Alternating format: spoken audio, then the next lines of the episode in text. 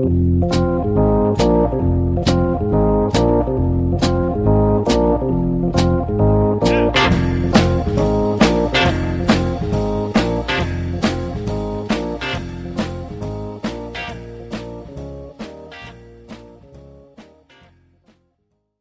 välkomna till eh, Bröla och Böla podcast. I detta avsnitt så gästas vi av ingen mindre än Amanda Romare. Hallå? Hallå! Så... Eh, Välkommen hem till mig. ja, tack så Ja. hemskt mycket. Tack. Vi, återigen har jag tvingat mig in i en persons hem. Eh, Känns halv creepy men Ja, nice. för, för all del. Men nu har du fått köra frågorna på mig så att nu tänker jag att eh, nu känner vi varandra lite i alla fall. Jag har väldigt mycket ammunition känner jag. Ja, att eh, ösa tillbaka. Så eh, vi går rätt in på frågerutan helt enkelt. Fullständigt namn. Ama- Malin Amanda Romare. Ja. Så, jag har mitt för eh, mitt namn i mitten. Vilket är lite problematiskt när man reser utomlands. Jag är en av dem. Ja. Ja, det är min mamma också. Ja. Mm, mm. Eh, Men eh, så Malin, vem, vad är det för namn då? Vem, vem kommer det ifrån? Jag tror rätt och slätt att mina föräldrar valde de två namnen de gillade mest. Och satte ihop, liksom, då blev det Malin Amanda. Eh, Så det finns ingen gammal släkting att dra upp här, tyvärr. Nej. Ja. Mina Eh, syskon har dock det. Så. De har Ja, ja. släktnamn så att säga? Ja, de insåg väl att det inte funkar på mig för jag är äldst och så fick de andra Mm, ja, ja. köra lite finare. Ja men man är alltid som, som första barn, det man alltid lite så försökskanin. Ja, lite som den här podden då. Ja men Ja. ja. i alla fall det. Nej men jag är också första så att eh, jag, jag, jag, kan ändå, jag kan ändå känna igen mig lite i det. Ehm, hur gammal är du? Jag är 32 och ett halvt. Ja. Hur känns det att vara 32 och ett halvt? Eh, det har varit ganska, jo, det, ja det, det känns mycket på olika sätt. Men jag, jag började få åldersnoja när jag var 23. Men då var det för att fylla 25 och sen när man fyllde 25 var det en liten sån här eh, period av lugn innan man började oroa sig för att fylla 30. Och nu känner jag att på det sättet känns det bra för det är en ganska lång period till man fyller 40 nu. Ehm, men det känns ändå eh, det känns konstigt att eh, man har passerat, det känns som att när jag fyllde 30 så passerar man en slags gräns från att vara ung till att ta steget mot riktigt vuxenskap. Eh, vilket har varit lite svårt för mig att acceptera. Ja. Men känns det bättre nu än vad det gjorde när du var 23? Rent liksom att åldras. Nej, jag har nog samma panik, eh, det skulle jag säga. Men det, det känns bättre att vara 32 än vad jag trodde det skulle kännas när jag var 23. Eh, så det är väl det som är tacksamt. Men, eh, men det kommer väldigt mycket tankar eh, kring, eh, alltså Ja, men eh, både att kroppen åldras och att man måste passa på att försöka njuta. Ehm, och eh, även livet sådär att man Typ, jag sportar ganska mycket och så börjar, då brukar jag också alltid tänka att fan jag har bara några år kvar, sen kommer skadorna. Du vet. Såklart. och det är lite märkligt. Okej, så var är du född någonstans? Ehm, I passet så står det nog Torekov, eller i Ängelholm är jag född. Eh, Torekov eh, växte upp mina första år och det är på Bjärehalvön. Eh, som ligger på gränsen mellan Skåne och Halland. Eh, för er som inte vet. Hur var det att växa upp på Bjärehalvön? Ja, jag brukar skämta att man blir någon slags ha- half-breed skåning. Man, eh, eh, man personifier, personifierar sig som en skåning men man har ju inte riktigt den dialekten. Eller liksom samhörigheten kring resten av regionen skulle jag säga. Du tror att det är samma princip om man är uppvuxen på Österlen?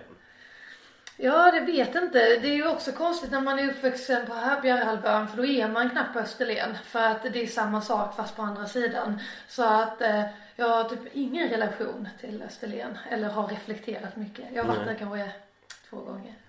Nej men Bjärehalvön är ju oerhört vackert så att man behöver kanske inte det. Ja, ja men det är vackert. Det är, men det är också speciellt. Jag tänker typ på att eh, eh, jag älskar att komma hem men man har också man har, eh, man har mycket känslor kring det och åldern kan man säga. Att, eh, att växa upp i en sån liten by som jag gjorde. Jag gick i högstadiet i Förslöv. Vilket är liksom verkligen eh, landet om man säger så. Och eh, Och det är på ett sätt väldigt härligt men det gör också ju att man inte, man det finns inte så mycket nya människor om man inte passar med de gamla, liksom de som redan finns där. Eh, och det kan vara en struggle. Alltså kanske inte kompismässigt för mig men också så här datingmässigt, självförtroendemässigt. Sätts man i ett fack så är man i det facket under hela uppväxten. Så Mm. kan jag känna att det är när man bor på landsbygden. Ja. Så det blir liksom en, istället för att man kan i en större stad att man kan hitta ett nytt socialt sammanhang Mm. så är man, så är, får man lite dras med det man har. Ja, jag har reflekterat över det mycket. Att, att så som jag ganska tidigt såg mig själv både i förhållande till killar eller i förhållande till skolan, hur smart jag är och så vidare. Det under hela min uppväxt så liksom var det ungefär samma från vad jag hade fått från början. Det var inte så mycket utveckling eh, när det gällde självkänsla på det sättet. Och det tror jag att alla strugglar med, men jag tänker att det kan vara lite lättare om man bor i en större stad där det kanske finns andra sammanhang man kan gripa tag i. Ja. Hur, men jag tänker för våra föräldrar kanske det var så men hur fanns det någon, eh, hittade du någon tröst på något internetforum? På Lunarstorm. Men, men typ, alltså där, fanns, där, fann, där, där kan man ju ändå prata med andra som var kanske lite som en själv. Ja, eller, det- eller, framstå, eller framställde sig vara lite som en själv. Ja men det jag upplevde också när man kommer, alltså nu, nu säger jag landsbygden hela tiden för det, det är kanske inte bara därför som sagt. Men jag kan tänka mig att nej, alltså när jag också använde, det var väl Lunarstorm och MSN som var go-to-ställena. Eh, så skrev man också mest med dem man kände. Man måste vara väldigt extrovert tror jag som ung. Om man där. Men där är det också tror jag en, kan vara en sån landet versus stan grej. Att man blir lite isolerad på landet så man söker, alltså typ även, ja, forum och så var ju så nytt då också. Så det, det blev inte så att man sökte sig utanför sin box. Liksom. Nej. Ehm, var, var bor du någonstans? Eh, idag? Ja. Ja, här. Ja. Ja. Eh, jo men jag bor på um, Nobelvägen. Eh, vid, eh, på Sorgenfri så att eh, det är på gränsen, jag bor på västra Sorgenfri men det är på gränsen till östra. Eh, bredvid den här konstgräsplanen. Mm. Eh, och Sorgenfriskolan. Och hur känns det att bo på Västersorgen Frida? Ehm, det känns bra. Det känns... Jag skulle säga att jag älskar att bo här. Alltså jag tycker det är... Jag tycker det är väldigt härligt med eh, alla små kafén, Att det är nära. Alla mina kompisar har typ flyttat just till eh, den här stadsdelen också. Vilket känns jättenice. För då blir man som sitt eget litet How I Met Your Mother. Och det trodde jag aldrig att jag skulle eh, vara med om på något sätt. Att ha alla så nära att man liksom kan gå förbi någon annans lägenhet på bottenvåningen och bara knacka på och, och snacka lite från fönstret liksom. Det känns väldigt lyxigt att ha det, Det så. låter ja. drömligt. ja, alltså om det är någon del av mitt liv som är romantiskt, för det är inte många, så är det just eh, mitt kompisgäng och hur nära man har till allihopa. Ja. Ehm, så vad, vad är det jag, varför är jag här? Vad är det du gör på de dagarna? Eller egentligen vad händer just nu? Ja, eh, det är ju en ganska eh, spännande period i mitt liv för att jag släpper en eh, roman på fredag den 22. Ja. 22 oktober då, Ja. 2021. Eh, och den här podden kommer då rimligtvis släppas om en drygt tre veckor. Så att om ni hör detta när den är släppt så finns boken redan ute. ja, du får en preview här. Ehm, Ja, visst, jag ska, ska, ska sägas att jag har, redan, jag har redan läst boken och det ska bli väldigt intressant att, eh, att få prata lite om det den känns ju också. skitkul. Ehm, nej men eh, Så vad heter boken? Halva Malmö består av killar som dumpat mig. Och eh, jag är lite omtumlad själv av detta för att jag har skrivit manus och annat sen jag var 20. Eh, och nu har vi etablerat att det var 12 år sedan ungefär. Ehm, och... Eh, 12 och ett halvt. 12 och ett halvt. Ehm, och jag, nej men att jag började skriva just denna boken ut och det är för första gången som jag inte har gjort det för jag tänkte att det ska vara ett manus. Utan det var egentligen för att jag, när jag fyllde 30 så bestämde jag mig för att då hade jag, jag, jag jobbade väldigt mycket mellan 20 till 30 med att driva ett produktionsbolag. Eh, det gör jag fortfarande. Men, men under den perioden var det uppstartsfasen och det var um, ja, typ man fick liksom uh, sätta sitt sociala liv åt sidan lite och sen när jag fyllde 30 vilket kan ha att göra med min åldersnoja också så kände jag att nej men jag måste ändå öppna upp lite, prioritera mina vänner. De flyttade ju hit också så det var ju väldigt kul och även eventuellt börja dejta lite. Um, och uh, den här resan var så pass eh, om, liksom, vad säger man, turbulent att jag eh, började skriva ner anteckningar för och ja, deala med de känslor som uppstod och i någon, i viss mån också få lite perspektiv. Att kanske saker inte var så farligt när man väl satte ner dem i text. Men det var liksom så hela den här boken föddes kan man säga. Att jag bara reflekterade utifrån mina egna upplevelser. Och sen ganska långt in i de här anteckningarna så började jag inse att ja, det kanske kan bli något. Det har någonting. Ja. ja. Men det var liksom ändå intressant att det var under lång period jag bara skrev och kände liksom att man känner sig ganska smutsig också när man skriver om svåra dejter och dissar och eh, uppgivenheten. Men kunna, kunna bearbeta det på ett annat sätt eller? Um, ja precis, det blev som en slags terapi. Um, och det, det hjälpte mig jättemycket kan jag säga. Eh, men också för att det blev ett sätt för mig så småningom att kunna dela med mig av de här texterna till typ mina vänner. Och få deras respons då eh, var väldigt lättad, eh, liksom, vad säger man, befriande. För att det jag kunde känna när jag var med om, det kan vi ju gå in mer på sen, men när jag var med om liksom riktigt jobbiga grejer inom liksom datinglivet. Så så blir ändå ens första tanke att man inte ska berätta om det för någon för att man skäms så mycket över att liksom man känner sig så dålig. Eh, och eh, det märkte jag med texten att det hjälpte mig ändå att öppna upp. Och då blir det väldigt mycket lättare för det är inte så farligt egentligen. Alltså det är oftast den andra personen som har problem om, om den är väldigt taskig. hur, hur mycket av boken är, är fiktiv? Skulle du säga? Mm. Om du fick sätta det i procentform? Ja, ja men jag skulle nog säga att 70 procent. Eh, så det är väldigt mycket som är självupplevt.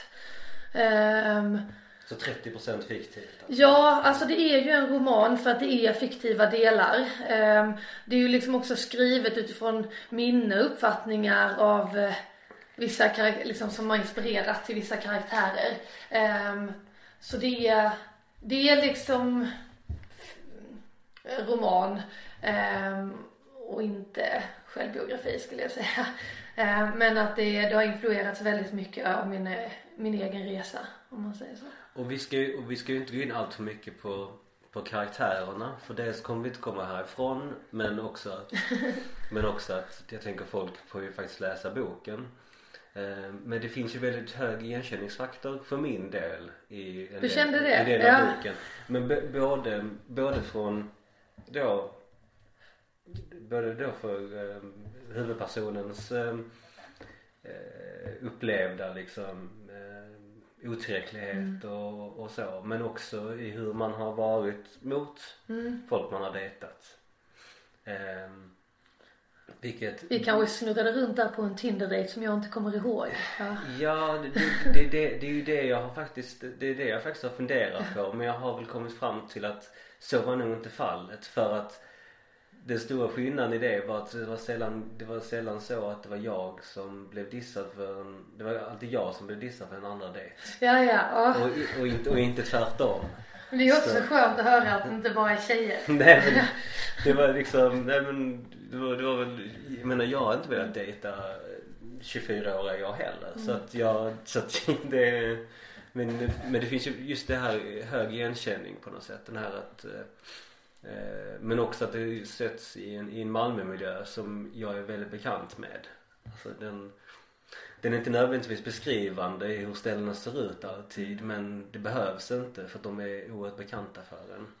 När man rör sig väldigt mycket på de olika ställena här och jag skriva väl också i boken att Taproom är min favorit just för att om det är så att man går på en Tinder-dejt och dejten känns helt fel så är det väl i alla fall skönt att sjunka in i någon av de båsen så att man inte blir så upptäckt.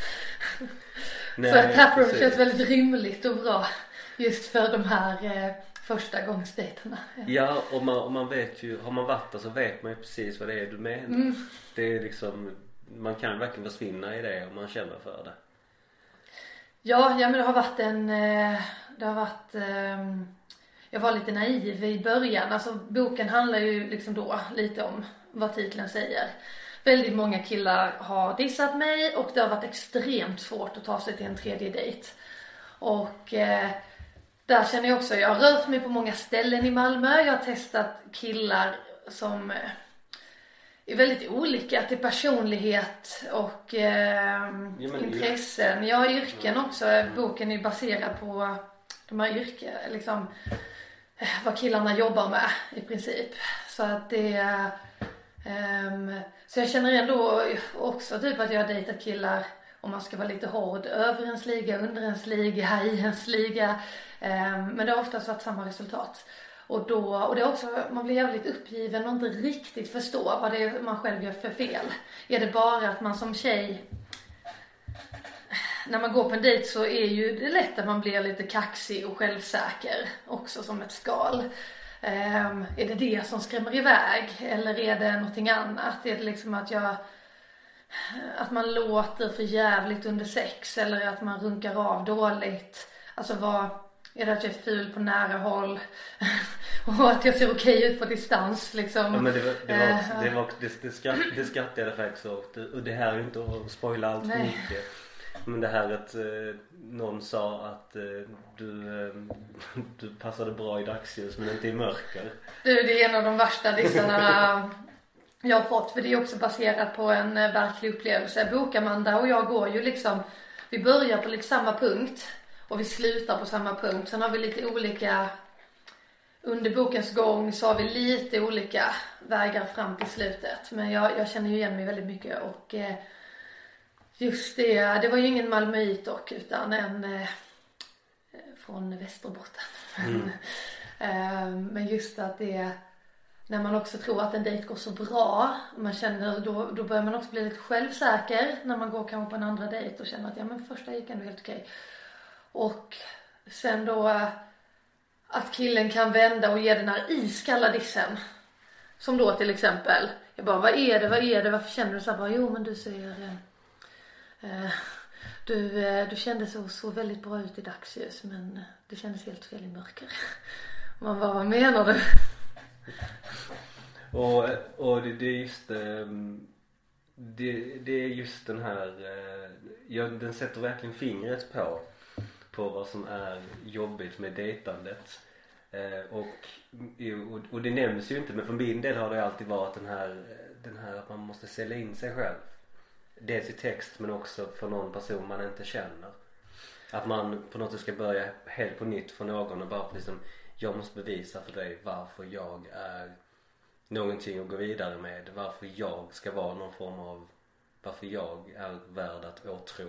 Liksom. Ja men det är en så jävla destruktiv eh, bransch eh, på det sättet att man dels måste göra, liksom ta, och säg liksom, jag, jag har inte så mycket problem att ragga ute heller, men säg då Tinder. Man ska ta liksom sig tid att matcha, skriva, leverera bra skämt under matchningen så att man visar att man är kul. Eh, göra sig i ordning, träffa personen och då också leverera, sälja sig själv som du är inne på. Och eh, sen kan man ändå då bli avvisad och då ska man hantera den besvikelsen. och har... också börja ladda om inför nästa. Att man har gjort sitt absolut bästa. Ja. Och så vill den inte ha en ändå. Det kan jag känna igen också med det här att med han som sa så att jag hade verkligen varit suverän i den situationen. Jag var rolig, jag var liksom smart. Jag liksom kände själv att jag blev lite imponerad över liksom både hur jag såg ut men också liksom vad jag levererade i humor. Och eh, sen kunde han ändå vända så hårt och bara iskallt dissa och åka hem innan det ens blev en andra dejt. Vi tog en liten promenad.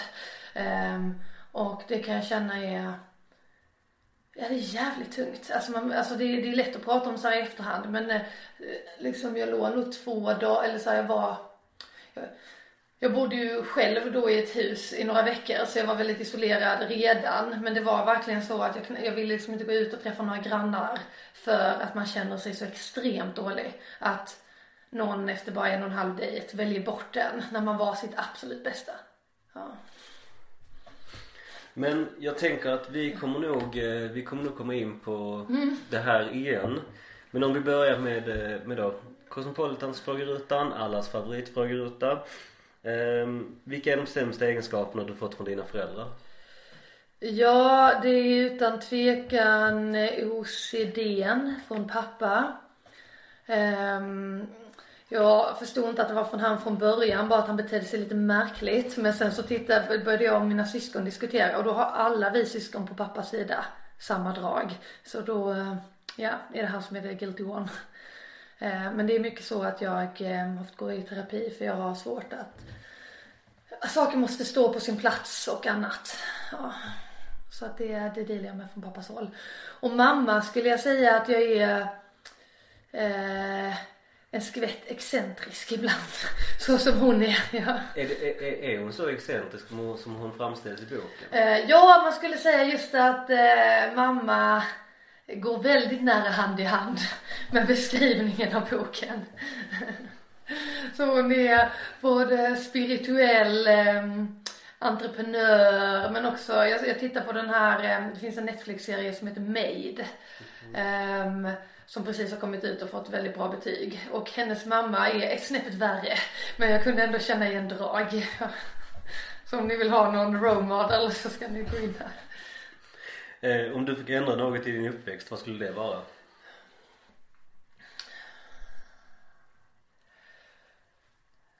Jag skulle... Adina och jag, eh, min syster och jag eh, som har eh, samma föräldrar. Våra föräldrar skilde oss ganska tidigt vilket funkade jättebra. Men sen kom det in andra personer i livet via dem. Och det var väldigt, väldigt svårt. Och det som barn så börjar man tro att den verkligheten man upplever då är den naturliga. Och det hade jag så gärna gått tillbaka till Amanda 10-12 år eh, och förklarat att det är helt onormalt att ha det så här.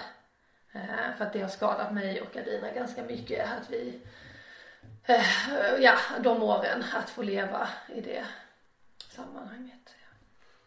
När känner du dig blyg? Um, Ja, eh, jag har en väldigt stor trigger när det gäller, eh, vad ska man säga, cool kids in group. ja. ja. Alltså jag, jag vet inte om jag har nämnt det här i podden men det finns ingenting som gör mig så nervös som att gå förbi en grupp 15-åriga ja. killar. Det är fruktansvärt. Och för mig är det 15-åriga killar. Ja. Alltså även när jag går här förbi eh, Sorgenfriskolan där mm. de är unga mm. så kan jag ändå liksom få en sån här rysning av att jag måste passera fort för annars kommer de ropa något efter mig. Och det behöver inte vara något taskigt men det är bara att man blir ställd på sin liksom att de eh, Ja, alltså put on, vad säger man, en spot eller vad man säger. Jag är sämst på uttryck. Ja. Men, det, men det, blir, det blir också så bisarrt att man, att man känner behov att man ska bevisa sig för barn. Ja, eller hur? Var, var, jag vet. Alltså jag kan inte förstå, min kompis är mellanstadielärare och hon har inte alls detta. Hon är så supercool. Um, och uh, jag kan liksom, det, är, det är märkligt också att det skiljer sig så mycket. Att hon inte alls verkar ha med något bagage och själv blir man livrädd. Och även så, man kan ibland också vara med om en jargong tycker jag eh, i vissa andra sammanhang med äldre. Jag skulle kanske, eh, som kanske har, eh, man kan också ofta märka att har någon varit en, i en cool kid group som ung så kan den ha kvar den gruppen som äldre. Och hamnar jag i det sammanhanget så kan jag också bli väldigt försiktig av mig på ett sätt jag inte känner igen att man, eh, man försöker navigera lite.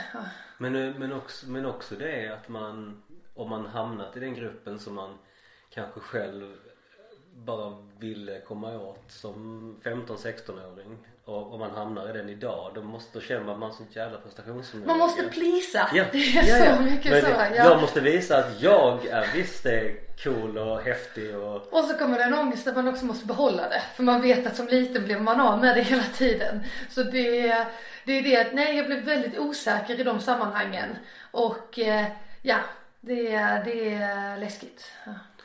Hela boken handlar ju egentligen om när, när du blev sviken. Så att frågan är ju egentligen eh, helt onödig att ställa om du någonsin har blivit sviken. Ja, ja men det har jag. Och där säger jag, ja, alltså om man tar kärleksmässigt så, så skulle jag säga att det finns många typer av killar när man dejtar ju. De eh, douchiga playersarna, eh, de lite mer ärliga, mysiga. Och sen de här som kanske är lite osäkra själva och som då dissar väldigt iskallt. Och eh, de är kanske den värsta gruppen skulle jag säga. Ja. Men eh, Och var, och, men, varför, men varför är det så? Därför att för mig kan, då, kan jag nästan tycka att Alltså så här, jag, skulle- jag, skulle, jag, jag kan väl säga så här om man nu ska bara vara väldigt så här breda penseldrag att att tjejer eh, dissar är mycket mer liksom det är mycket mer av detsamma. Alltså det, det är oftast, det ser oftast ungefär likadant ut. Men killar gör det på så vä- väldigt mycket olika sätt och då kan jag tycka nästan att för mig som inte blir dissad av killar att douche-killarna låter nästan värre än vad det gör med den här iskalla på något sätt. Ja men jag tror Men inte är det- det, jag är formulerar det nog det fel för att jag tror inte det är, alltså det iskalla i diss, alltså typ, säg en douchig kille. Mm. Eh, han kan ju också dissa iskallt men han har liksom från början visat att han är lite slirig om man säger så. Mm. Eh, det jag kan tycka är svårt är med de här där det känns så himla bra. Alltså, alltså där man verkligen börjar tro att detta kommer, eh, detta kommer hålla, detta kommer funka. Och så öppnar man upp sig på ett sätt där man verkligen också visar upp sig själv. Alltså, och möter den i sitt inre. Och då kan jag uppleva att det finns en viss typ av kille, det här är ju lite generaliserat, men som eh, kan vända väldigt, väldigt fort och bara, och kan kanske inte, och är, och är kanske lite introvert vanligtvis så att den eh, den kan inte riktigt formulera sig rätt och istället då så blir det någonting väldigt hårt tillbaka. Eh, typ om man sitter och gosar och i nästa sekund så bara Eh, Eh, ja, alltså typ, nej men alltså vi tar bara grannen som jag beskriver i boken.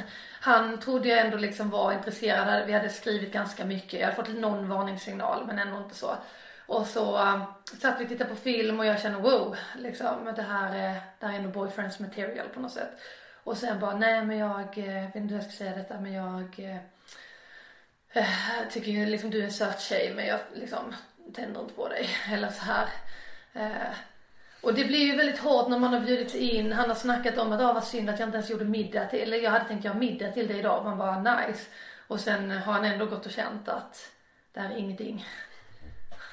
Så det, det, den vändningen kan jag tycka är hårdast när man dejtar. Och de tar också längst tid tycker jag att återhämta sig från. Eh, men annars är det, ja, jag blir också sviken av eh, vänner ibland och så vidare. Men eh, jag, jag vill egentligen ens tänka på vad andra har sagt om mig. ja. Om vad, vad jag gjort och inte gjort. Alltså det, det, det är ingenting man vill veta. Det, det, Du menar att jag tar förstoringsglaset på Alltså, Vi här över nej, bordet men, nu. nej men b- både och. Nej men faktiskt. Det, det, finns ju, det finns ju en viss liksom det, det finns ju viss utrymme för, för eh, självreflektion i, i boken. Eh, även om den är skriven ur ett, ur ett, eh, ur ett kvinnligt perspektiv så är den väldigt bra för nog killar att läsa också. För den är, den sätter ju fingret på någonting som är väldigt aktuellt. Ja men vad fint att höra. Och sen kan jag ju säga också att det nu låter det kanske när vi pratar om det som det är en väldigt aggressiv bok om att jag känner mig ledsen för jag är avvisad. Men det är ju inte riktigt det utan det är mer bara att jag har reflekterat över datingliv i Malmö och ironiserar lite över mig själv. Hur kan man bli kär efter en eller två dejter? Eh, varför blir man besatt av killar? Varför dubbelskriver man? Så att det, eh, det är ju liksom inte, det är ju inte bara en stor offerkofta av hur synd det är om mig. Utan, nej, den, den är inte självömkande på det sättet. Nej. utan det är, det är bara, jag, jag har velat liksom berätta så ärligt som möjligt om de känslorna man har som tjej. Eh, men liksom också eh, att det är inte så att jag, det, det, det som är smärtsamt när man dejtar är ju att den andra personen inte vill ha en. Eh, och det kommer man ju inte undan. Det är ju inget den andra personen kan göra någonting åt egentligen heller. Så att det är ju bara en sorglig situation om man kämpar. Ja. Eh, vad är det värsta som skulle kunna hända dig? Ja, jag har ju lyssnat på några avsnitt av podden och då landar ju det mycket i eh, familjen och så är det nog för mig också att jag är väldigt tajt med eh, eh, min syrra och båda mina bröder, föräldrar. Eh, så att eh, man är ju väldigt mån att alla de ska vara friska och må bra. Ehm, så det skulle jag säga. Ehm, och sen eh, om vi ska prata på ett lite lättare, lighter. Ehm, så skulle jag säga typ att jag, ehm, min, mitt största intresse i livet är ju att titta på sport. Så när eh, längdskidor och allting trallar över till sexan nu så blev jag väldigt krossad, eller hjärtekrossad för, för eh, Vinterstudion är min, min, min trygga punkt i tillvaron under hela vinterhalvåret. Eh, ja. Så high and low. Mm. Så att det, det var liksom, det, vär- det värsta som kunde hända dig har redan hänt. Det har redan hänt. Det var otroligt smärtsamt och jag gissar på att eh, Viaplay kommer fortsätta roffa åt sig rättigheter från public service and I don't like it. Eh, vad hoppas du att andra ska komma ihåg dig för?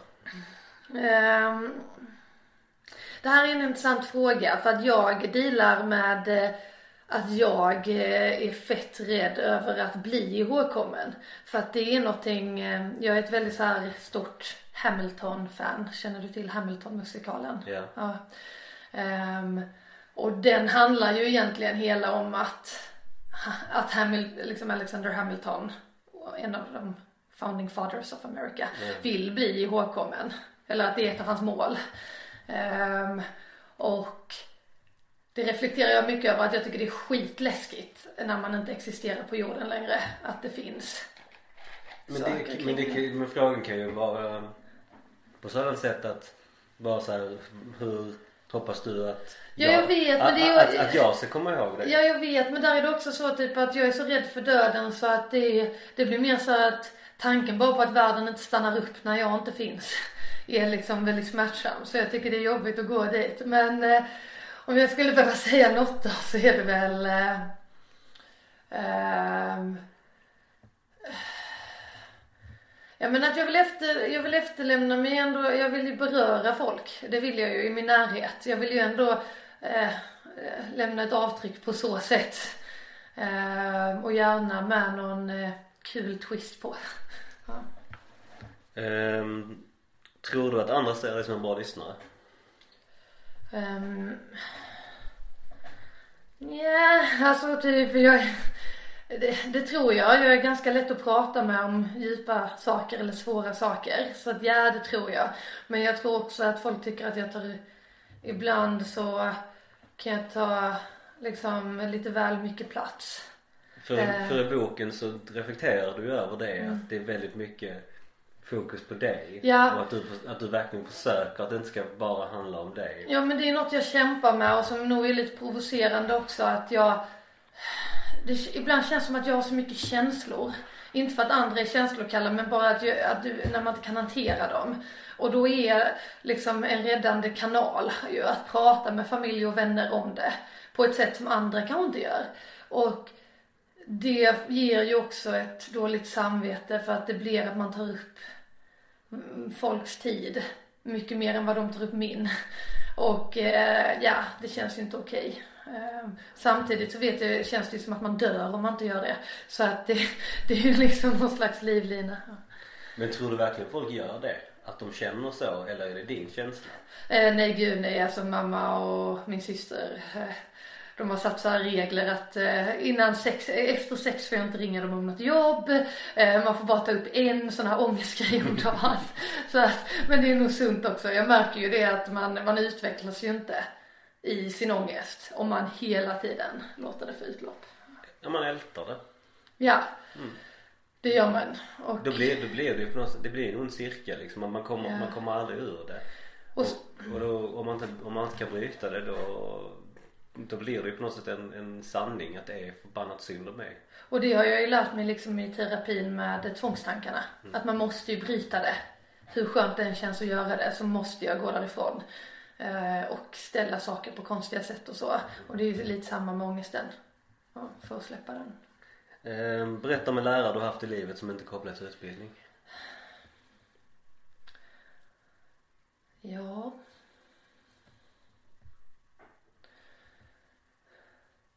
Ja, det var, det, det finns ju säkert några stycken. Ehm, men jag tänker på en när jag eh, hade gått klart gymnasiet och var väldigt, mm, det är många som är förvirrade av vad man ska satsa på och man får en ganska stor press också tycker jag att man ska söka vidare och plugga. Eh, eller resa lite och sen söka vidare och plugga. Och då kände jag mig lite Ja, jag kände mig lite lost under den perioden och då var det en man som tog mig under sina vingar som är sportjournalist för Sveriges Radio. Och jag är ju väldigt intresserad av sport. Så då eh, blev han och jag ett, liksom, teamade vi upp och så fick jag också börja jobba med att sända sport. Vem var det? Roger Bengtsson heter han. Ja. Eh, ni som följer eh, Rögle, det är kanske inte så många här i Malmö som gör det men eh, Rögle i hockey, de, eh, han, han brukar sända deras matcher. Mhm. Ehm, Men så han, han har varit liksom, jag brukar se honom ibland som en sån här, ni vet Saul Berenson i ehm, Homeland. När han tar hand om uh, Carrie. Mm. Det, det får vara referenser för de ni som lyssnar för jag är usel på att kolla på serier. Ja men Homeland kan man ju knappt ha missat. Men, nej men eh, då, då kan ni förstå känslan i alla fall i hans eh, mentorskap. Nej jag kollar, jag kollar ju mer på filmer så om det är filmreferenser kan jag fatta dem. Ja. Men sen så är det Men vi behöver inte gå in på det. vad har du svårast, vad svårast att acceptera hos dig själv?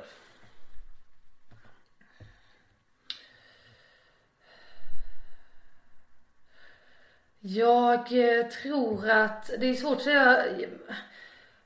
Den egenskap jag strugglar med mest är att jag de sista åren har fått ett worst case scenario tänk. Att jag alltid utgår från att saker ska gå åt helvete. Um, och uh, det blir väldigt jobbigt för att man kan liksom inte riktigt glädja sig åt något. Det blir en väldig ängslan och bitterhet i allt. Och eh, det, det känner jag är väldigt tufft. Och även nu med boken så har det ju hittills varit bra indikationer och allt har liksom men eh, trots det så kommer det upp, liksom händer något bra så hittar jag tio saker som kan gå fel med det. Ehm, och det låter ju väldigt otacksamt men det, är- det är liksom ett tankemönster som är väldigt svårt att ta sig ur. Mm. Så så det handlar egentligen om en Att man behöver liksom du vet den här klassiska tänka lite positivt. Det är lite den Ja, men det är också lättare sagt än gjort. Det är jättesvårt Ja. att bryta ett sånt här liksom när man tror att man ska få en kniv i ryggen i alla situationer. Eh, och för man får ju det ibland. Och då liksom bekräftar det tesen på något sätt. Även om det inte händer så ofta som man tror. Eh, så det, det är... Nej, alltså just nu är jag väldigt eh, förvirrad i hur, eh, hur man ska lösa den situationen liksom. Eh, just för att det för tillfället ändå händer mycket spännande omkring mig och njuter jag inte nu, när ska jag då göra det? Jag såg en sån också, nu kommer, jag ska inte dra in tv-serien men att det, jag såg en tv-serie som eh, där det var handlade om två skådespelare och den ena njöt av allt bra som hände och den andra var så här väldigt ängslig och eh, såg allt som hände som negativt och att det kunde vara bättre och då lovade jag ju mig själv att ja, men jag ska vara den positiva. Men eh, sen, eh, ja det, är- det är inte så lätt att efterleva alltid. Vad har du störst risk att bli beroende av? Jobbet.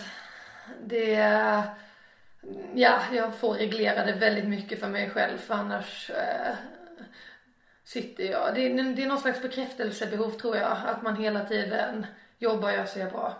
Ehm, så det, jag önskar att jag hade haft en coolare last. Det, ja. Som vad, vad skulle det vara då?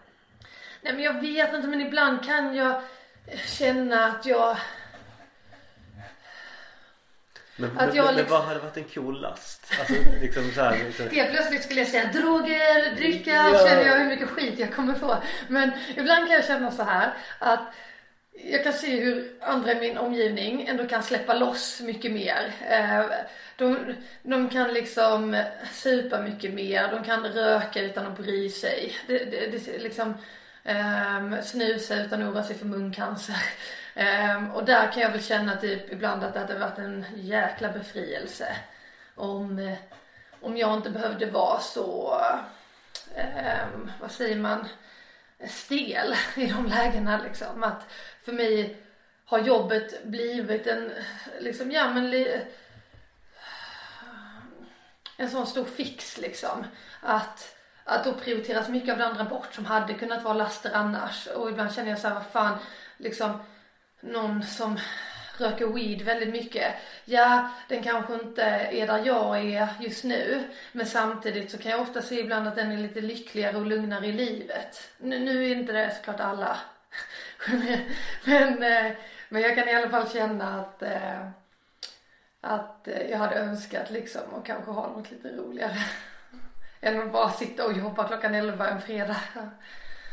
inte så här, ja, men jag, jag kan, jag kan inte, jag kan inte att dricka, röka lite för mycket tjack eller alltså, något sånt eller inte, inte. Ja men alltså inte bry sig så mycket om det. Jag hade önskat att jag hade haft några sådana år liksom. Då jag eh, Ja, det är också det typ, också med dejtingen. Alltså nu blir det lite off topic men typ att jag hade önskat att jag kunde vara lite mer såhär ligga runder, så jag får känslor för varje kille liksom. Alltså typ att jag, varför kunde jag inte vara lite mer loose? Um, och för att jag tror liksom att jag har inte varit så jäkla lycklig de senaste åren så jag, jag tänker typ att just detta beroende med jobbet och så vidare är kanske inte supersunt. Ett, ett första, ett första steg är kanske bara vara medveten om det. Ja, jag hoppas ju på det men jag har hållit den flaggan ett tag och det blir inte supermycket förbättring. Men... Vad hoppas du mest på?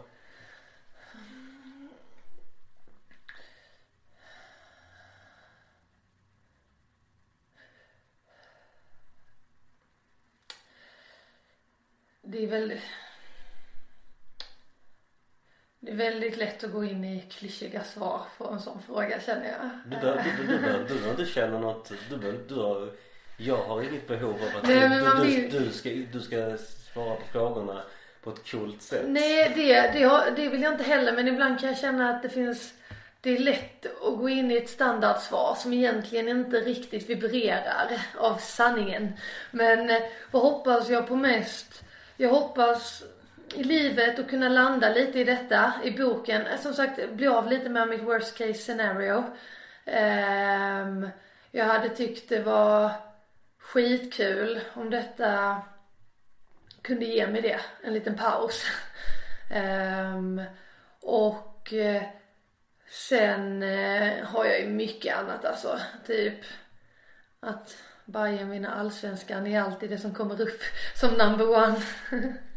Ja, det har jag svårt att hålla med om. men, men det är ju också, det är också något, väldigt- det är också något väldigt banalt som jag kan tycka är väldigt skönt och Vi, vi förtjänar att ta det en andra gång och eh, nej men, jag, nej men det är banalt men sport har också varit en räddning. Ehm, jag tänker typ också när jag pratade lite kort om de här, den här tunga perioden som tonåring med eh, familjesituationen. Då, det som räddade mig då var att jag lyssnade på alla Modos och alla Bayerns matcher ehm, eh, på P4 på Radiosporten där på kvällarna. Och då var man ju inte bortskämd med att kunna se matcherna så då kom, då kom ju ett referat från matchen in var, var 15 minut. Um, och det gjorde så extremt mycket att ta sig igenom den perioden. Att man fick de kvällarna. vad var det som gjorde att det blev Bayern och då Modo? Av, av liksom, Eh, ja men det kommer lite, det, det ligger i blodet brukar jag svara och sen brukar det komma fram att det kommer från släkten. Ja. Eh, att det, det går way back. Eh, och jag som liten hakade på pappa på några matcher och ja, sen blev man ju frälst. Ehm, så ehm, hur bra är du på att ta emot kritik?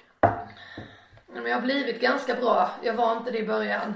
Ehm, men ehm, mycket av den kritiken jag får ligger ju liksom i mitt jobb och typ att skriva och så vidare.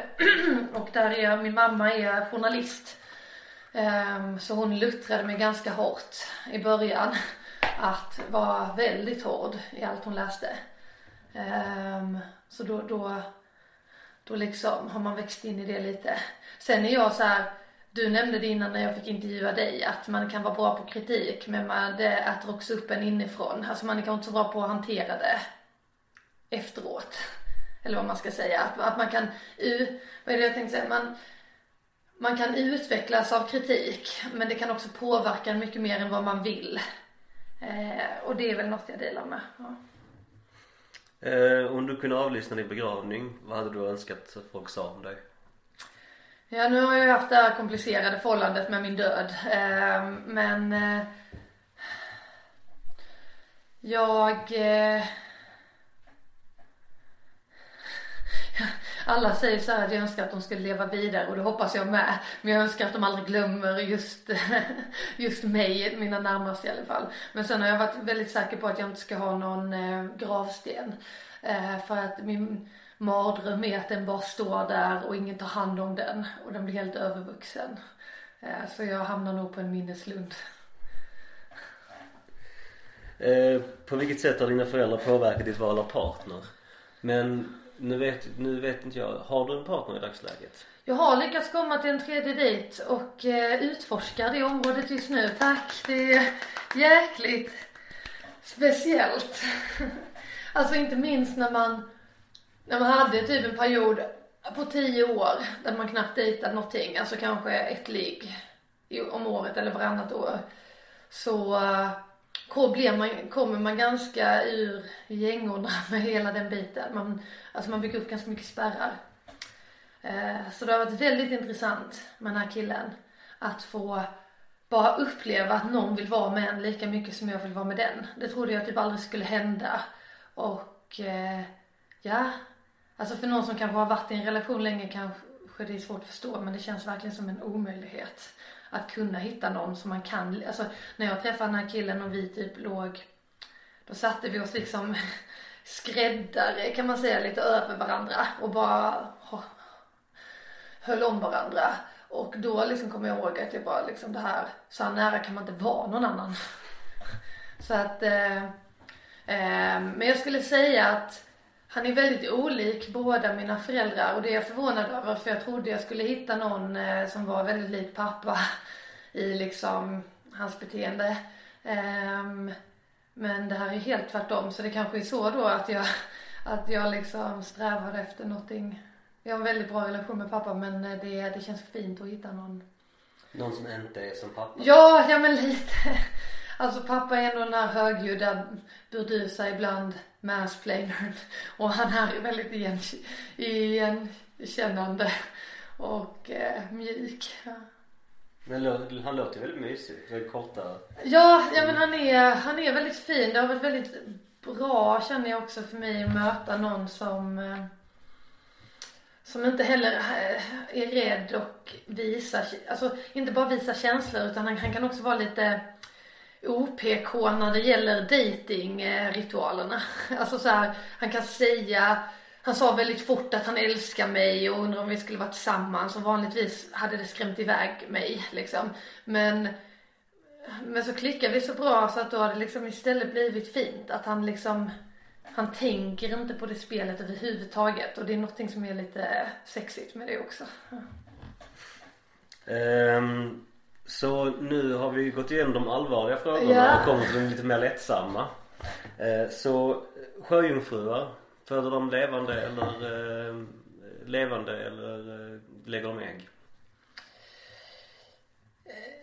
Jag tycker att tanken på att ett litet ägg kläcks med en liten sjöjungfruunge känns jättegullig. Så jag måste ändå säga det. Ja. Mm, jättebra svar. Om du fick resa tillbaka i tiden, vad hade du rest då? Uh, jag hade tyckt det var skitkul och uh, vara med när rocken kom. Det hade varit uh... Alltså menar du rocken som när Elvis Presley gjorde den, alltså gjorde den rumsren eller förstå, förstå mig rätt nu. Ja. När, han, när han gjorde den liksom eh, liksom for widies? Eller menar du liksom, eh, menar du liksom tidigt i liksom liksom Louisiana? Alltså så här, Ja, båda. Eh, min, min stora dröm är att åka till USA på en sån resa i rockens spår. Ehm, så det skulle jag säga att det är, ja, jag är en sucker för ehm, musik när det kommer till hur artister och koncept växer fram. Eh, jag skulle inte säga att jag är Jo, nej men jag, jag bara älskar det liksom. Ehm, och eh, har lyssnat väldigt mycket på det.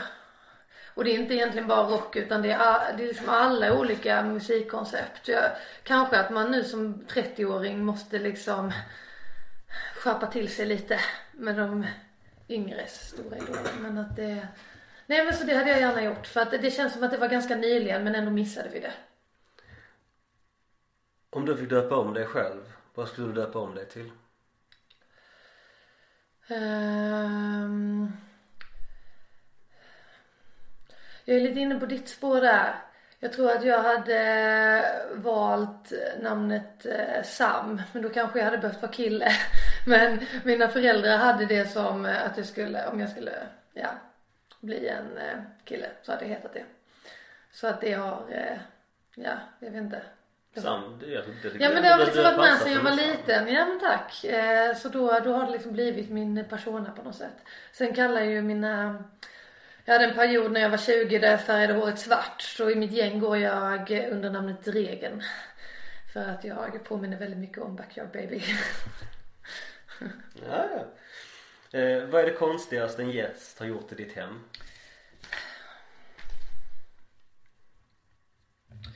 Och den... Jag är ju som sagt lite pedantisk och eh, också ibland ganska instörig när det gäller mitt eget hem så jag bjuder inte hem så många som jag hade velat.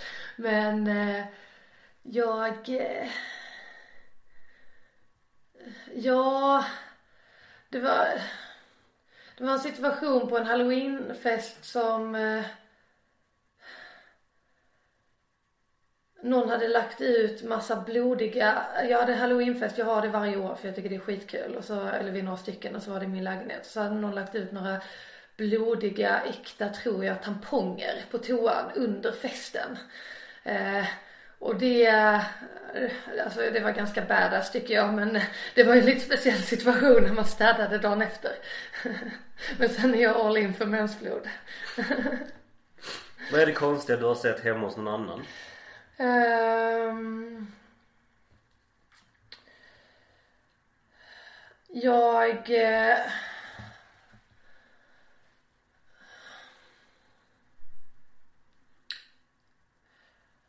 Är det, ska jag ska säga, Zlatan-altaret som också är en referens i boken. Jag tänker att eh, jag tycker ni alla borde läsa boken men om ni inte gör den så kan du ju berätta om Zlatan-altaret. Eh, ja nej men det är alltså, då kan jag, liksom min relation till Zlatan är ju, eh, kan jag också säga är lite tudelad. Eh, jag respekterar honom men jag tycker också han är en arrogant son of a bitch. Ehm, och ehm, så Även när han spelade i landslaget så hade jag lite problem med honom och hans attityd. Eh, vilket jag kanske får jättemycket skit för men så är det bara. Eh, och han köpte ju också min klubb. Så att vi har ju många band till varandra nu. Ja, och det var lite det som fick bägaren rinna över för oss. Ja, ja, det förstår jag. Och eh, så att det, ja, jag kan, jag kan, eh, jag kan spegla det i den Ja. känslan. Många har ju en konstig relation till honom. Ehm, men, men som sagt ändå, men, och då var jag på en av de första jag dejtade under min resa. Eh, var en jävligt snygg kille som jag var lite förvånad att han ens var intresserad av mig för jag brukar inte få dem supersnygga tycker jag.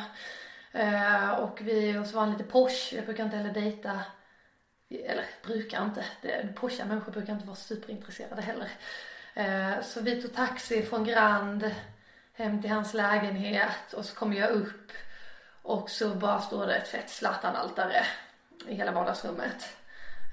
Och det var kanske, ehm, Jag vet inte, det var också så konstigt att jag har den här relationen till Zlatan och så sa han att ja, men jag har läst den självbiografin tre gånger och Zlatan är min största idol och jag följer allt han gör och så känner man bara oh fuck. För vad är det för typ av kille som har Zlatan som största idol? Alltså det är ju inte. Det är en bra fråga. Eh, och eh, man behöver kanske inte gå in på det så men det känns ju inte som en person som har så mycket djup. Spontant. Nej, eller någon som bara är liksom älskar den här hårda attityden. Men, men det kanske är vi som då har lite svårt, svårt med cool kids. Som ändå liksom har också problem med den typen av människa. Ja. Ja men det, det är också så här det, det, det, om man nu ska bli sån. Det blir också så här en vuxen människa som har ett Zlatan-altare. Jag, jag vet inte riktigt vad jag, jag tycker inte man ska ha någon form av altare för någon för det, det är inte så himla, det låter inte så himla sunt att dyrka någon så mycket. Nu är jag ju med tanke på min mamma uppvuxen med ganska mycket altare. Även om jag håller med dig att, eh, att det har varit en så stor del av mitt liv. Så altarbiten förstod jag konstigt nog att man hade. Men det var liksom bara att det blir väldigt svårplacerat vad den här killen är. För jag har själv också försökt läsa Zlatans biografi några gånger.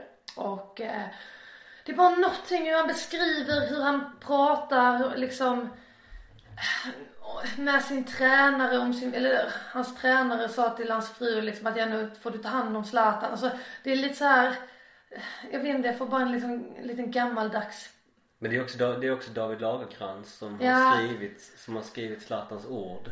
Så jag vet inte riktigt om, jag tror att det hade framstått som ännu mer hjärndött om det var Zlatan som hade, som, om han faktiskt hade förmedlat exakt det som han sa. Ja, ja men eh, ja, jag har ju inte träffat Zlatan själv, ska jag säga. Eh, så det, det är ju lätt att sitta och jag Ja. har funderat faktiskt, vad skulle jag gjort om jag liksom undrar vad man får för bild av Zlatan om man väl träffar honom. Hur mycket som är hans persona och inte. Eh, den kan jag tycka är lite intressant att, ja, det var kul att ta reda på. Ehm, Ja det har inte jag heller ska sägas. Eh, Jag skulle inte vilja det heller.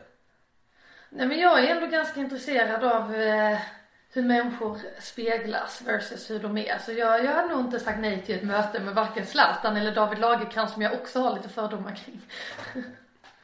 Vilken del av en barnfilm är ett djupt sår i dig? Lejonkungen kan jag, har jag aldrig sett tror jag när jag blivit vuxen. För jag tycker det är så jobbigt när Mufasa dör. Ja, eh, filmerna när vi växte upp har ett otroligt mörker.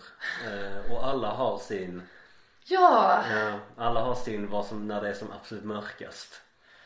Och det är Ja. för barn. Jag vet, jag, så, jag såg om Ringaren i Notre Dame häromdagen och det var så också- jävla hemskt när Frollo kommer och jagar dem. Och alltså, och nu blir det en spoiler här för alla som inte har sett att mamman dör där. Det är jättehemskt. Nej, Men det här att de liksom häxjakt på liksom romer och det det är verkligen liksom det, Ja det är klart det har förekommit, Ja. självklart. Men det här liksom ja, det, det, är fasc- det är Ja, det är fascinerande, alltså. jättehemskt och det var ju kul också att du tog upp den här frågan för i boken finns det ju också en scen där när en kompis till mig eh, vi pratade om vilken som var hans bästa Disney-film och så sa han Lejonkungen eh, men att han eh, han hade alltid trott att Mufasa eh, var Simba som stor så att Mufasa aldrig hade dött.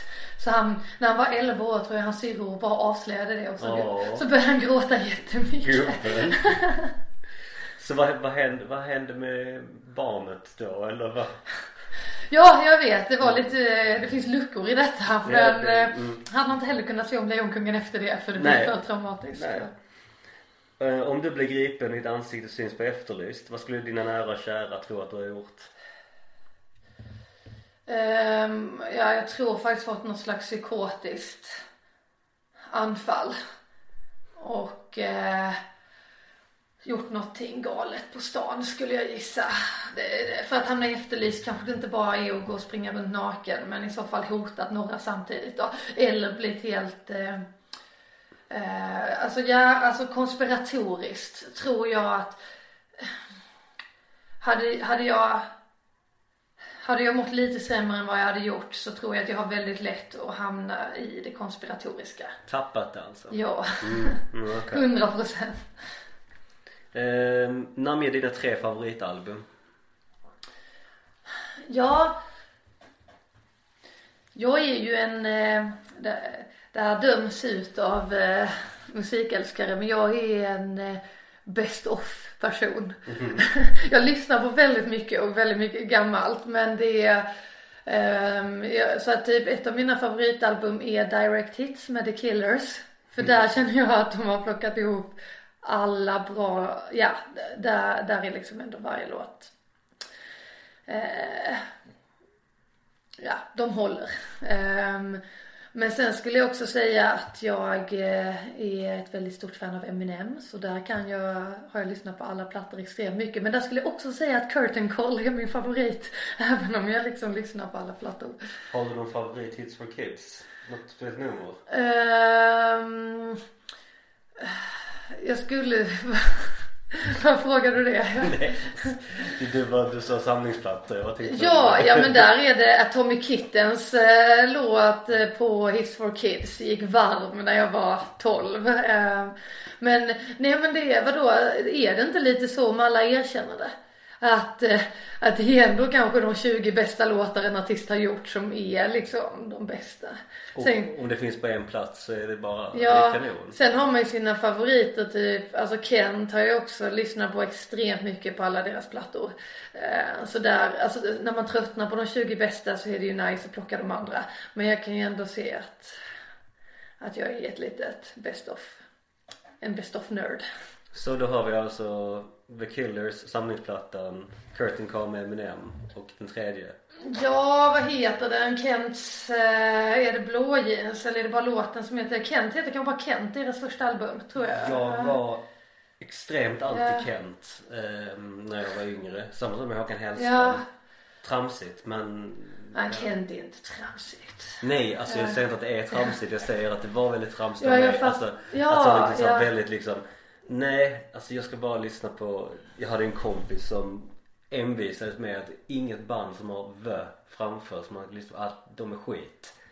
Jaha. Så liksom, ja men du vet Typ The Darkness, Ja. alltså The Killers, liksom, Ja. så, liksom, ja men VR, alltså bara liksom så här, Det är väldigt många band som är väldigt bra som, som är Ja men det är ju en skitkul teori. Ja men det är ju det också att jag, jag fattar ju att det är lite Alltså tönt, det, det är ju inte på kreddskalan och nörda ner sig i best of men det är också så att man hinner avverka väldigt många artister. Så man får se det så. Men, eh, men Kent däremot har nog, det är Kent Eminem tror jag som har liksom eh, varit de eh, artisterna du vet som bara också fick en att må så jävla bra trots att de är eh, mörka under sin tonår för att man inte känner sig ensam. Även det typ, jag brukar ta det också att Eminems låt den när han mördar Kim i låten. Den eh, är ju inte alls något jag står bakom. Men den är jävligt skön att lyssna på ibland när man är väldigt uppgiven känslomässigt. Ja, visst. eh, har du något guilty pleasure? Ehm, jag... eh, ja, eh, det är inte så mycket nu för tiden men jag tittade, ibland kan jag börja bli helt hooked på någon reality-serie. Det var Kardashians ett tag. Det var The Duggar Family som är en sån här kristen familj med hundra barn som nu har hamnat i blåsväder för incest. Så det var ju not my proudest moment. Men eh, jag skulle säga att jag kan få såna ibland. Ehm, och sen älskar jag också powerballader. Mm. Ja. mm. Ehm, har du några tatueringar? Ja, eh, jag har tre. Två som jag är nöjd med och en som jag eh, inte orkar ta bort. Men eh, det står relax på min arm. Och den är svår att to be, liksom be cool about these days. Så relax. Relax enbart i snirkliga bokstäver. Som jag gjorde när jag var 19 tror jag. Tänkte att det var stört bra att titta ner där och inse hur man ska leva livet. Ja. Och nu känns det sådär. Så om vi går in på, ehm, om vi går in på Malmö Mm. då, i detta. Det som, ehm, det, det som lite är anledningen till att jag är här. För att en bok om Malmö. Det, det är någonting som jag bara vill, vill ta in och, och, och läsa. Det är jättekul. Så, så, fan, så nu går vi in på vad Malmö är. Så vad är Malmö för dig? Ja, jag kommer ju från eh, Malmö är just nu Förutom Bjäre den plats jag har känt mig mest hemma på. Jag älskar Sorgenfri, jag älskar Malmö eh, och närheten. Ehm, men eh, och jag har också haft lite komplicerat förhållande till stan så för att när man växte upp i Båstad ehm, så blev man också ganska skeptisk till storstäderna runt omkring en. Alltså man åkte på Malmöfestivalen, man var på Cardinal i Helsingborg eh, någon gång då och då. Men eh, att eh, det känns lite stort. Det är som nu när jag kommer till Stockholm kanske och jag inte riktigt hittar om jag går i stan. Så blir det liksom en lite utmattande för stor känsla. Alltså Berlin också om man är där. Och det hade jag också med Malmö. Från början när jag, när jag var liksom ja, lite 20 plus. Så då kände jag att nej men här kan jag aldrig bo för det, jag kommer, det kommer aldrig kännas hemma. Um, men sen uh, flyttade jag lite motvilligt hit och sen har jag slå, liksom, har mina rötter börjat växa. Så vad tycker du representerar Malmö? Um, ja men det är nog närheten som jag var inne på. Att, uh, att det är liksom väldigt det är väldigt, alltså det är ingen annan liksom större, alltså det finns nog ingen roligare stad att bo i där man också är så nära sina vänner. Alltså som jag lite var inne på att vi alla bor runt östra och västra Sorgenfri. Det gör ju dock att man blir lite begränsad, man rör sig väldigt mycket på just detta området. Men, men det är så extremt tacksamt och också få bo på ett ställe som nu, nu, går, nu förfinas det ju lite för varje år. Men det har i alla fall varit härligt att få vara med lite under den, den ruffa eran på något sätt. Eh, ja men du vet att man eh, har, eh, och då menar jag liksom inte våldsmässigt utan mer bara att få bo i liksom ett kvarter som inte är för tillputsat än. Men nu som sagt så inom tio år kommer det ju kanske ser väldigt mycket annorlunda ut. Men då har vi fått vara med om det och det är roligt. Ja och vi får komma ihåg. Ja, mm. ja men alltså det är också när man liksom går på stan och så, det, det är väldigt det är väldigt många människor man möter och det är väldigt liksom som eh, i olika åldrar, olika bakgrund och det är ju ändå, eh, det, det, ibland så är man ju väldigt olika men det är ändå så att det ger en väldigt mycket kan jag tycka. Ja, visst. Och nu snackar jag inte om olika etniskt liksom utan mer olika um, ja, att, att det finns alla typer av sorter liksom. Ja visst, såklart. Eh, om en vän till dig besöker Malmö för första gången, vad gör du med henne då? Um, Ja, jag är ju ingen sightseeing-person. Det, det händer inte att jag åker till Rom och besöker alla grejer. Colosseum och så vidare. Um, så att eh, jag hade nog varit en ganska crappy guy där i Malmö också. Eh, men eh, jag förmodar att jag kanske hade tagit med dem till Jesusbaren och käkat deras pasta. För eh, den känner jag ändå, det, det, det, det är det stället jag själv brukar spendera helgerna på.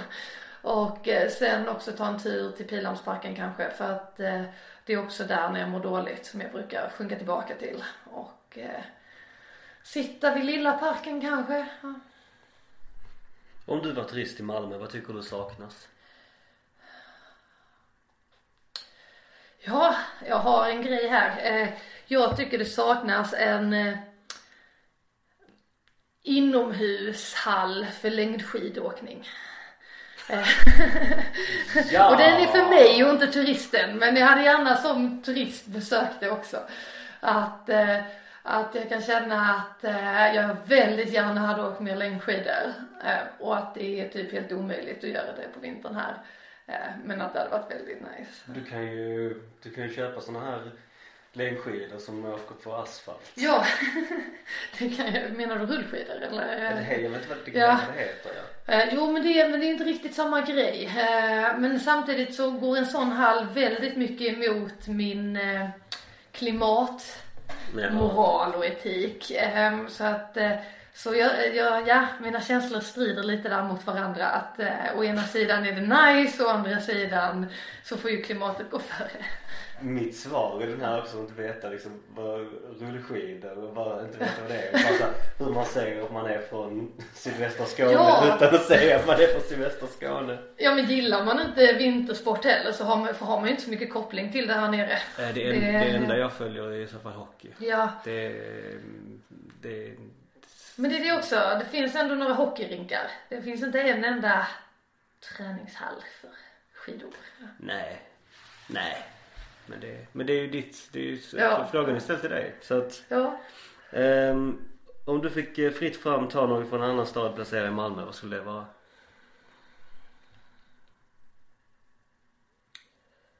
Eh, Ja, eh, Tele2 Arena så att eh, jag kan se Bayern lite närmare. Det hade blivit lite konstig dynamik mellan lagen. Mm. Men, men det är det enda som talar för, eller som jag har känt att jag borde flytta till Stockholm så att jag någon, något år ändå kan liksom ha säsongskort och vara ett, liksom följa dem på riktigt och inte bara över skärm. Alltså, Men vad är det för jävla underlag? nu kommer det skånska argumentet Men fram här. fan? Det är inte värdigt att ett, ett lag som har liksom 32 000 på matcherna ska spela Nej, jag, plats. eh, jag har ju också varit, alltså när man är över i England och så och ser de här gräsplanerna. Det är ju en väldigt fin kultur kring det. Det räcker att du går till stadion. det är inte, det är liksom Stadion går jag bara när Bayern spelar och samma är det på Olympia. När de, Jo tack. Har du något favoritställe i stan? ja...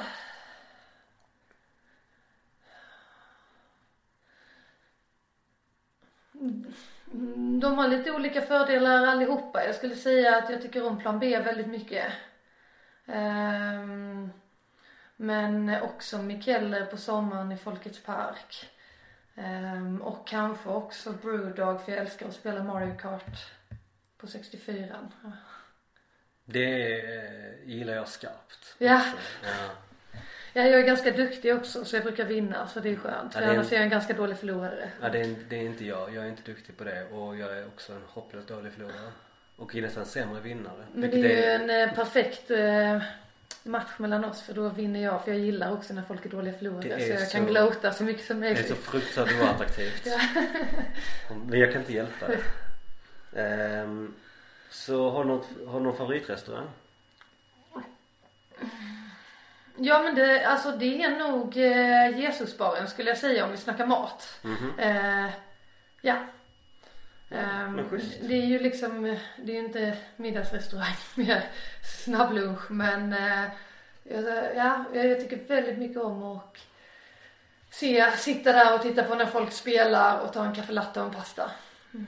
Men den är din. Det är din plats. Så- Jag skulle säga det. Det finns några andra. Jag bangar inte heller en eh, kålpudding på Nobes eller Nobes. Ja, varenda gång jag säger detta så känner jag att jag uttalar det fel och så brukar jag variera dem. Jag, jag, jag säger Nobes. Nobes, ja. Ja. Jag också säger några Nobes och då hamnar jag där mitt emellan. Men Nobes, eh, Men det blir Nobel, Nobelvägen. Ligger ju, Ja. det borde vara no, Nobes. ja, ja. Ja, ja men deras eh, vegetariska kålpudding är är, riktigt jävla bra. Och jag är ju fan av husman också. Och det är inte så många som serverar det just. Nej, Nej. faktiskt inte. Eh, så anser du att malmöiter är konfrontativa angående sin stad? Eh, ja, jag kan inte riktigt svara på den tror jag för att jag... Eh,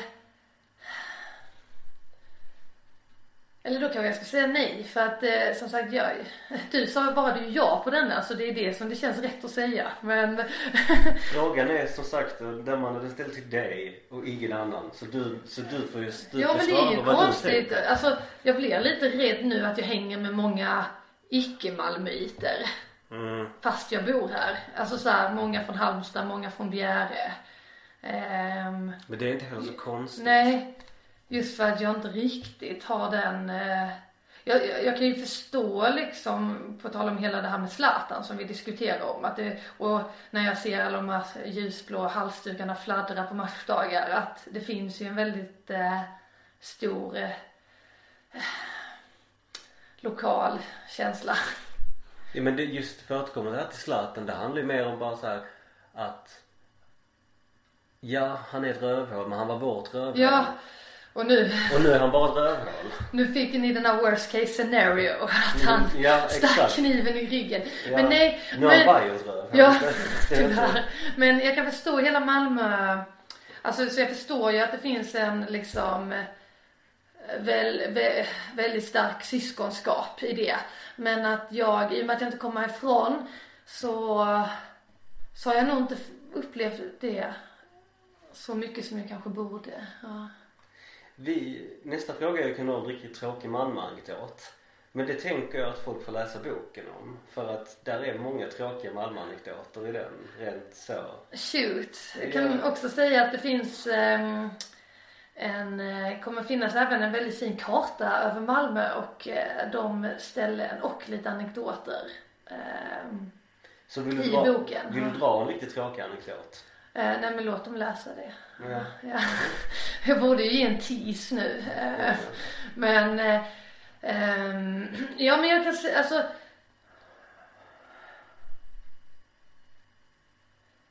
Jag eh, tycker att det ska bli jävligt spännande om folk läser boken och har egna anekdoter som kanske ehm, på något sätt har en beröringspunkt med mina anekdoter. Så man på något sätt kan eh, snacka om det tillsammans. Alltså vem vet? Det kanske är någon kille som alla har råkat ut för.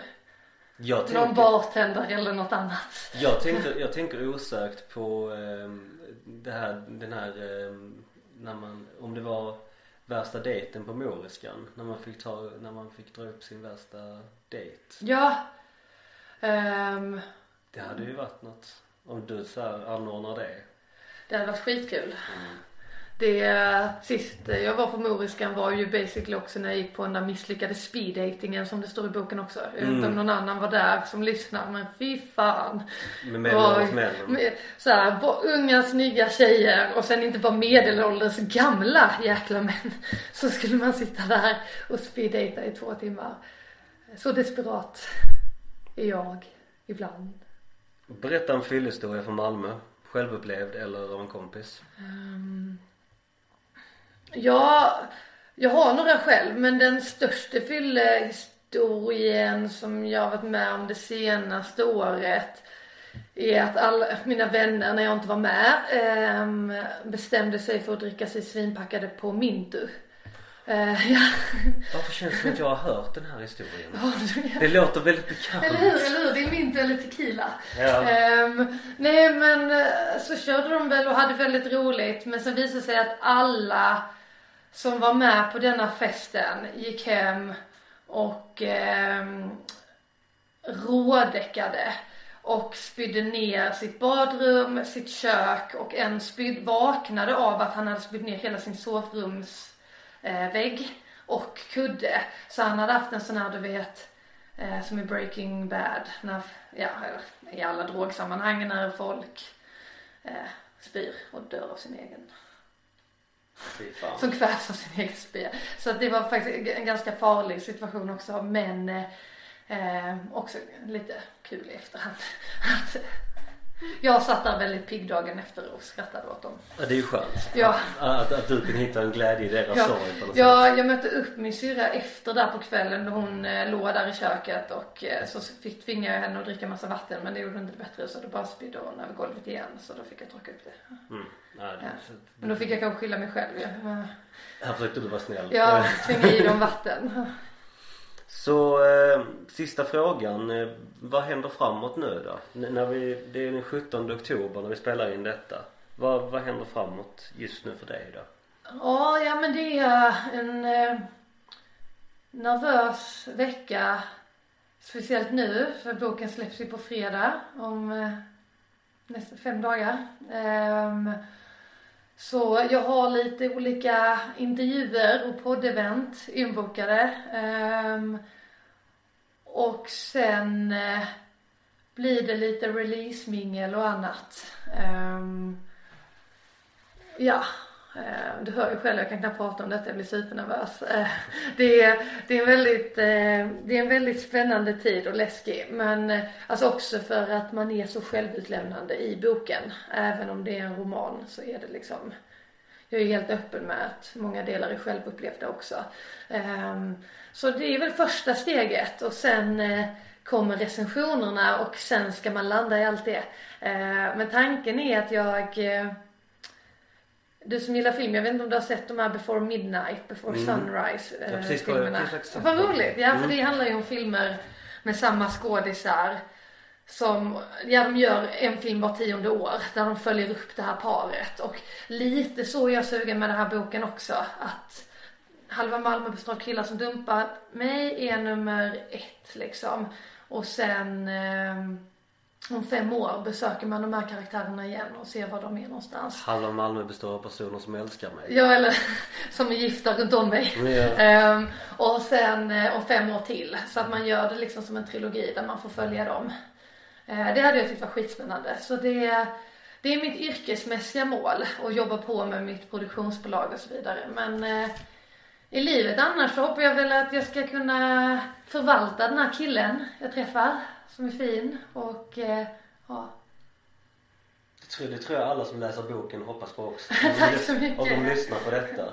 Ja fast det, det är fan intressant också. Det, den första intervjun men boken släpptes i förrgår eh, och då har man, då är liksom, har man ju ändå varit inne och sneglat lite på alla kommentarer som kommer in. Och det är väldigt många som eh, tror, när jag säger att man har blivit dissad mycket och kämpat, som inte tror på en.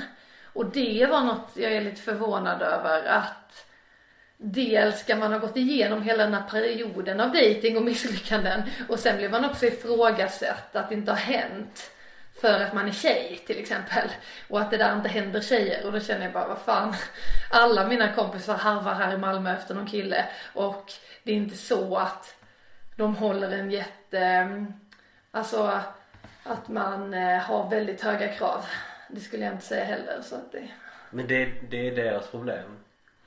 Tänker jag. Ja, ja men det var ändå Inte kompisar, Nej, så- nej jag fattar kommentaren. Ja men det, men det är ändå fascinerande liksom. Det var även någon kommentar som bara, och det finns ett enkelt svar till att det här hände och det är att hon själv inte vill. Och man bara va? Alltså, nej nej nej. Det, är- det är Börja- verkligen att ingen vill ha mig. Don't... Börja inte gräva i det. Nej, det slutar nej. aldrig väl. Nej. Så Amanda, var, var hittar man det någonstans?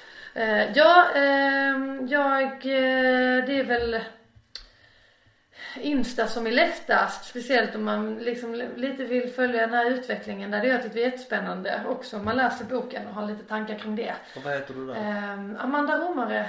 Eh, så det är för och efternamn. Ehm, och eh, var köper man din bok? Jag tror, eller ja, den ska vara ute på bokhandlar, Bokus, Adlibris, så det är bara go for it. Det hade varit skitkul och som sagt också höra vad ni tycker. Eh, Jag, jag, kommer, jag kommer lägga upp eh, länk till böckerna i avsnittsbeskrivningen så ni kan klicka in där. Det finns ingen rabatt. Det är bara att gå in och köpa. Vad hedrande, tack så mycket. Eh, nej men, vad, ja, men jag känner också att det är ganska kul alla andra som kanske har liknande erfarenhet i Malmö. Alltså att som du var inne på, på Moriskan eller något, men att att någonstans bara få höra att ja men jag går också igenom det här, det här har jag varit med om. Det känner jag också hade varit väldigt roligt. Så eh, dra er inte om ni har läst boken för att höra av er med någon egen historia liksom. Det är ju bara jättefint och eh, jag startade precis det Instakontot Insta-kontot för jag, ja, så att jag eh, har inget emot lite mer kontakt för det känns jävligt ensligt där nu. Det ska, det, ska, det ska nog kunna ordnas. Eller jag kan nästan garantera det. Ja men det är Så, bara Amanda. tacksamt. Ja. Du ska ha stort tack för att du komma hit och stort tack för att du ställde upp. Jättekul att få vara här och eh, ja, få bjuda in dig i mitt hem och eh, jag tack också ni har ju inte sett det här men jag fick både en kullamust och en cider som ska avnjutas ikväll. Absolut. Okej, men, vi, men vi hörs, eh, vi hörs väl nästa vecka eller så eh, hörs vi när vi hörs. Hey